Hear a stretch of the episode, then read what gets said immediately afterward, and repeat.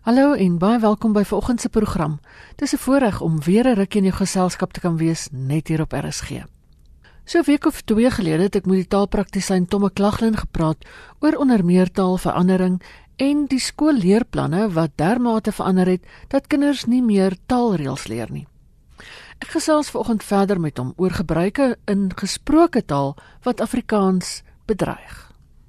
Ek dink gewis so, ek dink die grootste bedreiging vir Afrikaans is Afrikaans sprekendes se houding teenoor hulle taal en dit sluit aan by wat ons reg aan die begin gesê het. Jy weet, ek dink uh, om nou weer net 'n vo ander voorbeeld te gebruik, daar's vroeër uh, dikwels spotterwys gesê, maar seker ook maar met 'n bietjie waarheid in dat Afrikaners 'n groot groter Victoriane was as die Engelse self. Uh en ek dink iets soortgelyk is vandag in 'n groot mate waar en dit is dat Afrikaans sprekendes eintlik meer Engels gesind as Afrikaans gesind is. En soos ek sê, dit hou verband met die soort ehm um, faktore wat ons vroeër genoem het die soort brousel Afrikaans wat 'n mens deesdae tydig en ontydig hoor veral as jy nou kyk na uh, uh TV-programme hierdie soort van uh geselsprogramme of luister na hoe mense oor die radio praat glanspersoonlikhede of mense wat dink hulle is glanspersoonlikhede of sportmense en so aan. Ehm um, of sommer net as jy hoor hoe mense onder mekaar gesels dan is dit beslis 'n simptoom van uh hierdie verskynsel dat ons houding teenoor ons taal verander het.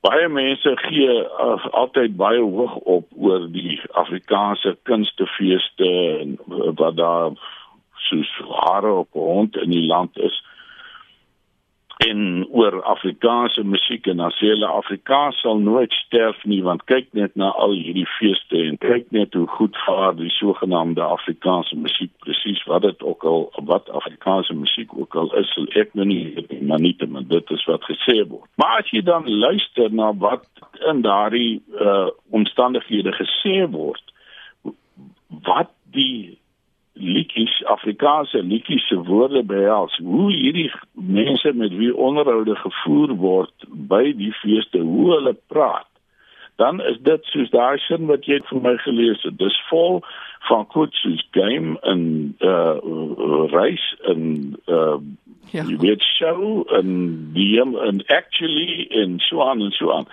So uh, 'n mens wonder hoeveel sulke mense regtig vir Afrikaans omgee. Uh jy weet op die oomblik is daar uh op op die TV 'n uh, reeks wat genoem word op die kassie. Dit kyk na die ontwikkeling van televisie in Suid-Afrika. En as jy mens nou luister na hoe daardie mense wat uit verskillende agtergronde in die televisiebedryf kom. Ek praat nou nie net van die akteurs nie dis regisseurs en dis tegniese mense en dit is bestuursmense en almal. As jy luister na hoe daai mense gesels oor daardie tyd hier in die laat 70er jare, vroeë 80er jare, dan hoor jy hoe Afrikaans kan klink sonder dat dit hoogdrawend is of dat dit onmodern is of dat dit soos kanseltaal klink of so iets maar gebruik nie 'n taal wat deurspek is met Engels nie en ook nie allerlei anglisismes nie. En hulle gesels net. Dis ja. nie teks wat uitgeskryf is wat hulle so van daai papegaai leser aflees nie. Dis natuurlike gesels. En dan hoor jy hoe Afrikaans regtig waar kan klink En ek dink ons doen ernstig afbreek aan ons eie taal omdat ons aan die een kant onkundig is, soos ek vroeër gesê het, ons ja. weet nie meer wat is anglisismes nie, ons weet nie meer wanneer ons Engels gebruik nie. Ons is in 'n groot mate ongeërg oor ons taal uh, of hoe ons dit uh, gebruik. En ek gaan nou 'n woord gebruik wat sekerlik nie meer baie gewild is in vandag se dag nie. Maar dit is taal trots. Ons het eintlik regtig nie meer 'n taal trots nie. En dit is vir my baie jammer. Tom, Afrikaans het nog altyd van leenwoorde gebruik gemaak deur die loop van sy ontwikkeling. Wanneer is dit leenwoorde wat ons gebruik en wanneer is dit gewoon luiheid? Ja, uh, Afrikaans het gelukkig 'n uh, 'n uh, uh, baie uh, grotse geskiedenis van uh, termskepping. Ons het in die vorige eeu veral maar tot uh, tot vandag toe nog word daar boeke uh, word daar terme geskep in woordeboeke met vakterme en so aan uitgegee. Daar onlangs 'n paar maande gelede nog 'n uh, boek met uh, verklarende uh, tweetalige terme in die politieke wetenskap verskyn. Jy weet wat wat eintlik wonderlik is. Uh ons het nie soos byvoorbeeld Nederlands uh wat baie uh sê net maar Engelse terme eenvoudig oorgeneem het en dit doodgewoon in die Nederlands gebruik, het ons uh, minstens leen vertalings gemaak of ons eie terme geskep. Ons het net nou gepraat byvoorbeeld van 'n hommeltuig. Uh, ek dink dis een van die pragtigste uh, nuwe woorde wat geskep is in 'n lang tyd en ons het daardie uh, tot se geskiedenis.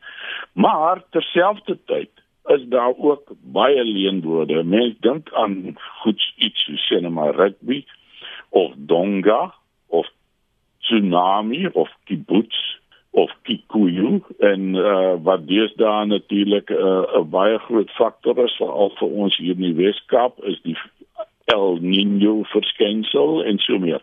So wanneer 'n mens 'n uh, behoefte het aan die oorname van 'n uh, leenwoord uit 'n ander taal dan is dit een ding en natuurlik baie van ons parlementêre terme kom daarvandaan die blote feit dat ons ietsie speaker gebruik byvoorbeeld dis 'n dis 'n direkte oorname van uit uh, die Engels. Uh omdat dit pas by ons parlementêre stelsel. Maar wanneer 'n mens Engelse of enige ander woord oorneem uit 'n ander taal terwyl jou eie taal 'n doodgoeie woord het, dan begin dit vir my problematies word. En dan kan 'n mens begin sê dit word blote luiheid want jy wil nie die moeite doen om te soek vir 'n vir 'n ander term nie. Jy wil dit nie aanleer uit jou die die die term wat jy in jou eie taal het nie. Ehm um, en ek dink dit is uh, dit is nogal dis nogal jammer dan gebruik jy net sommer die eerste eerste beste ding wat in jou kop kom. Partykeer dink ek ook dat dit miskien 'n kwessie is van van mode. Ehm um, jy weet ek het in die laaste tyd byvoorbeeld gehoor mense sal dikwels praat van iets so schadenfreude. Ja. Nou ja, dit is miskien 'n goeie uh, woord om oor te neem, maar ons het al jare al die woord leedvermaak wat presies dieselfde is. Engels het nou weer nie iets soos leedvermaak nie en hulle sal schadenfreude gebruik want hulle het nie daardie woord nie. Maar hoekom moet jy nou in Afrikaans schadenfreude gebruik as jy leedvermaak het? Verstaan jy ek dit is wanneer sulke soort van goed begin gebeur wat ek 'n probleem het. In die ou dae het ons almal van vragmotors gepraat en miskien selfs van 'n lorry wat in 'n geval ook 'n leenwoord is. Maar deesdae is dit alles trokke. Nou hoekom?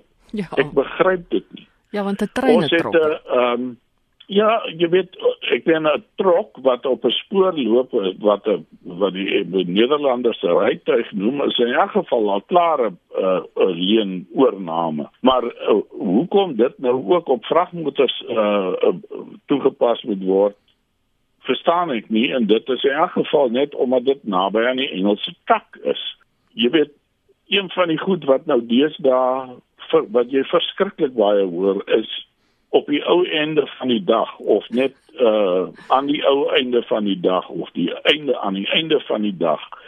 Nou ons het al jare die doodgewing op die ou end of selfs op die ou einde. Hoekom moet jy nou die Engels at the end of the day oorneem? Jy weet ek kan 'n hele klomp sulke goed noem. Een van die goed wat nou wat deesdae vir alles gebruik word is aanvat. Jy takel nie meer 'n teenstander of jy pak hom nie meer nie of jy pak nie meer 'n probleem of jy pak hom nie meer aan nie. Alles word nou aangevat en dit is suiwer Engels. al wat jy dis jy het 'n doodgewone Afrikaanse woord gevat en 'n Engelse betekenis daar geheg. En dit is vir my nie korrek nie. Ek het nie dit is wat my betref onkunde en luiheid en daar's nie 'n verskoning daarvoor nie. Nou hoe dink jy herstel mense integriteit van gesproke Afrikaans?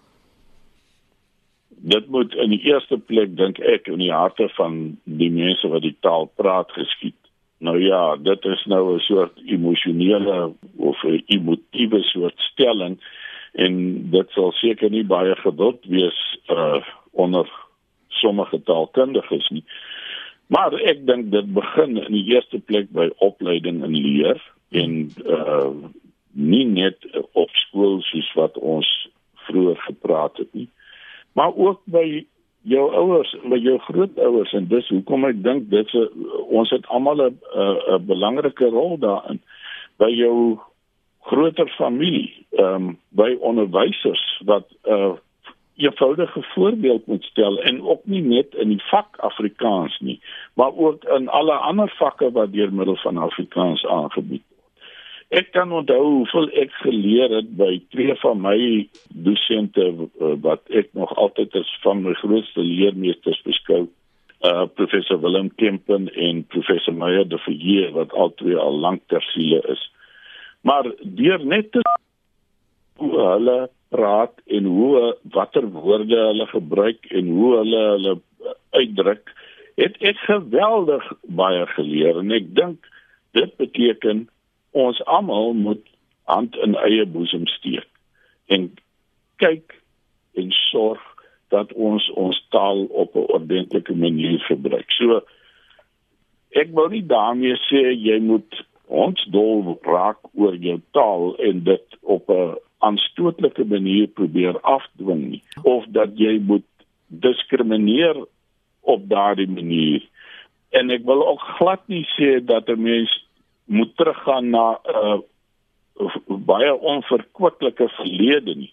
Maar ek dink tog 'n mens kan mense bewus maak daarvan dat om taal goed te gebruik van belang is. Dit is van belang wanneer jy in 'n uh, professionele omgewing staan.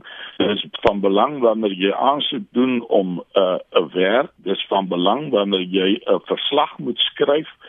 Uh dit is in alle opsigte belangrik om nie 'n swak beeld te skep van wie en wat jy is nie. So uh, dit is vir my nogal 'n baie belangrike uh faktor.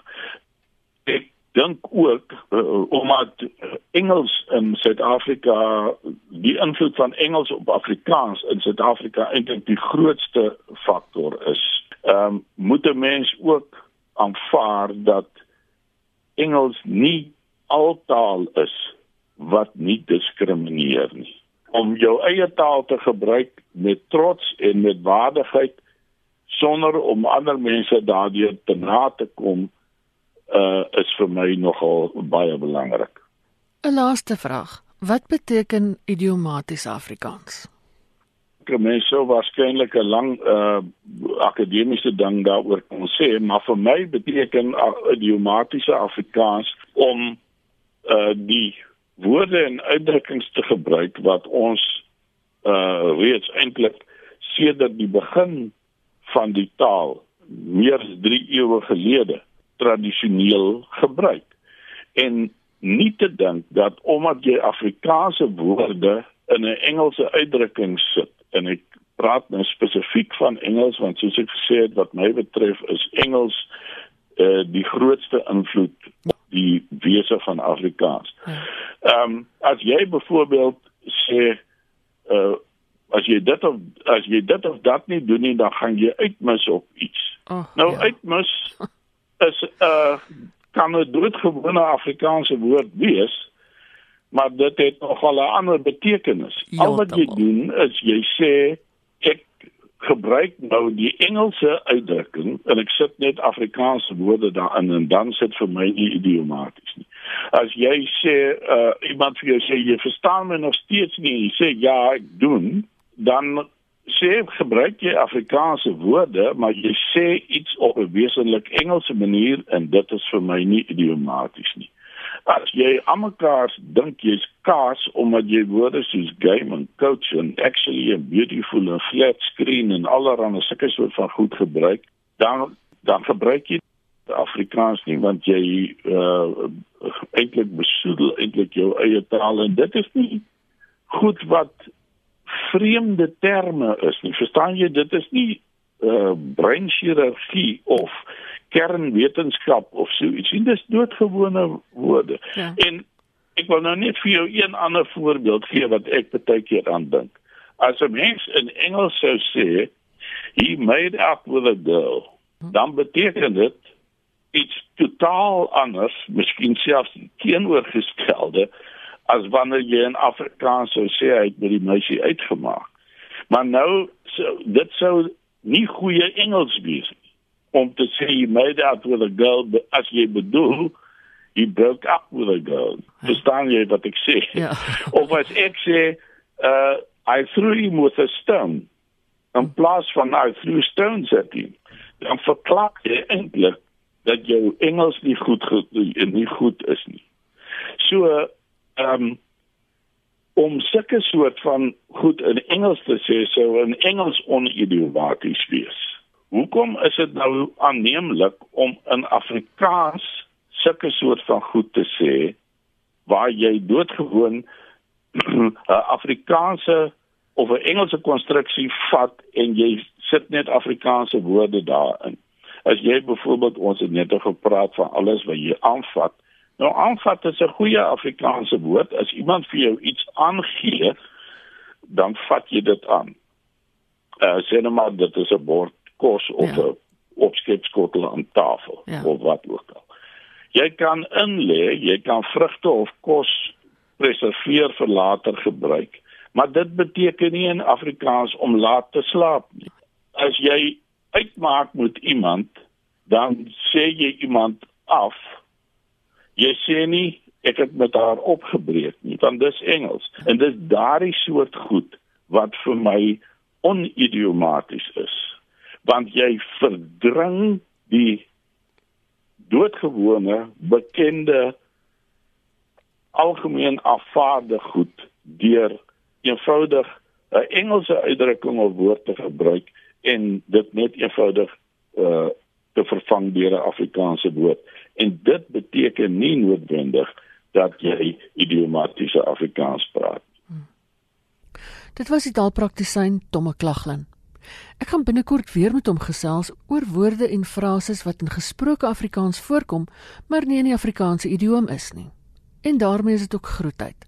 Jy kan weer na die program luister deur die potgooi af te laai by rsg.co.za of jy kan donderdagoggend 3 uur in deernag na die herhaling luister. Laat hoor gerus van jou my e-posadres is strydomjj@sabc.co.za. Geniet die res van die dag in RSG se geselskap en van my Ina Strydom. Groete tot 'n volgende keer.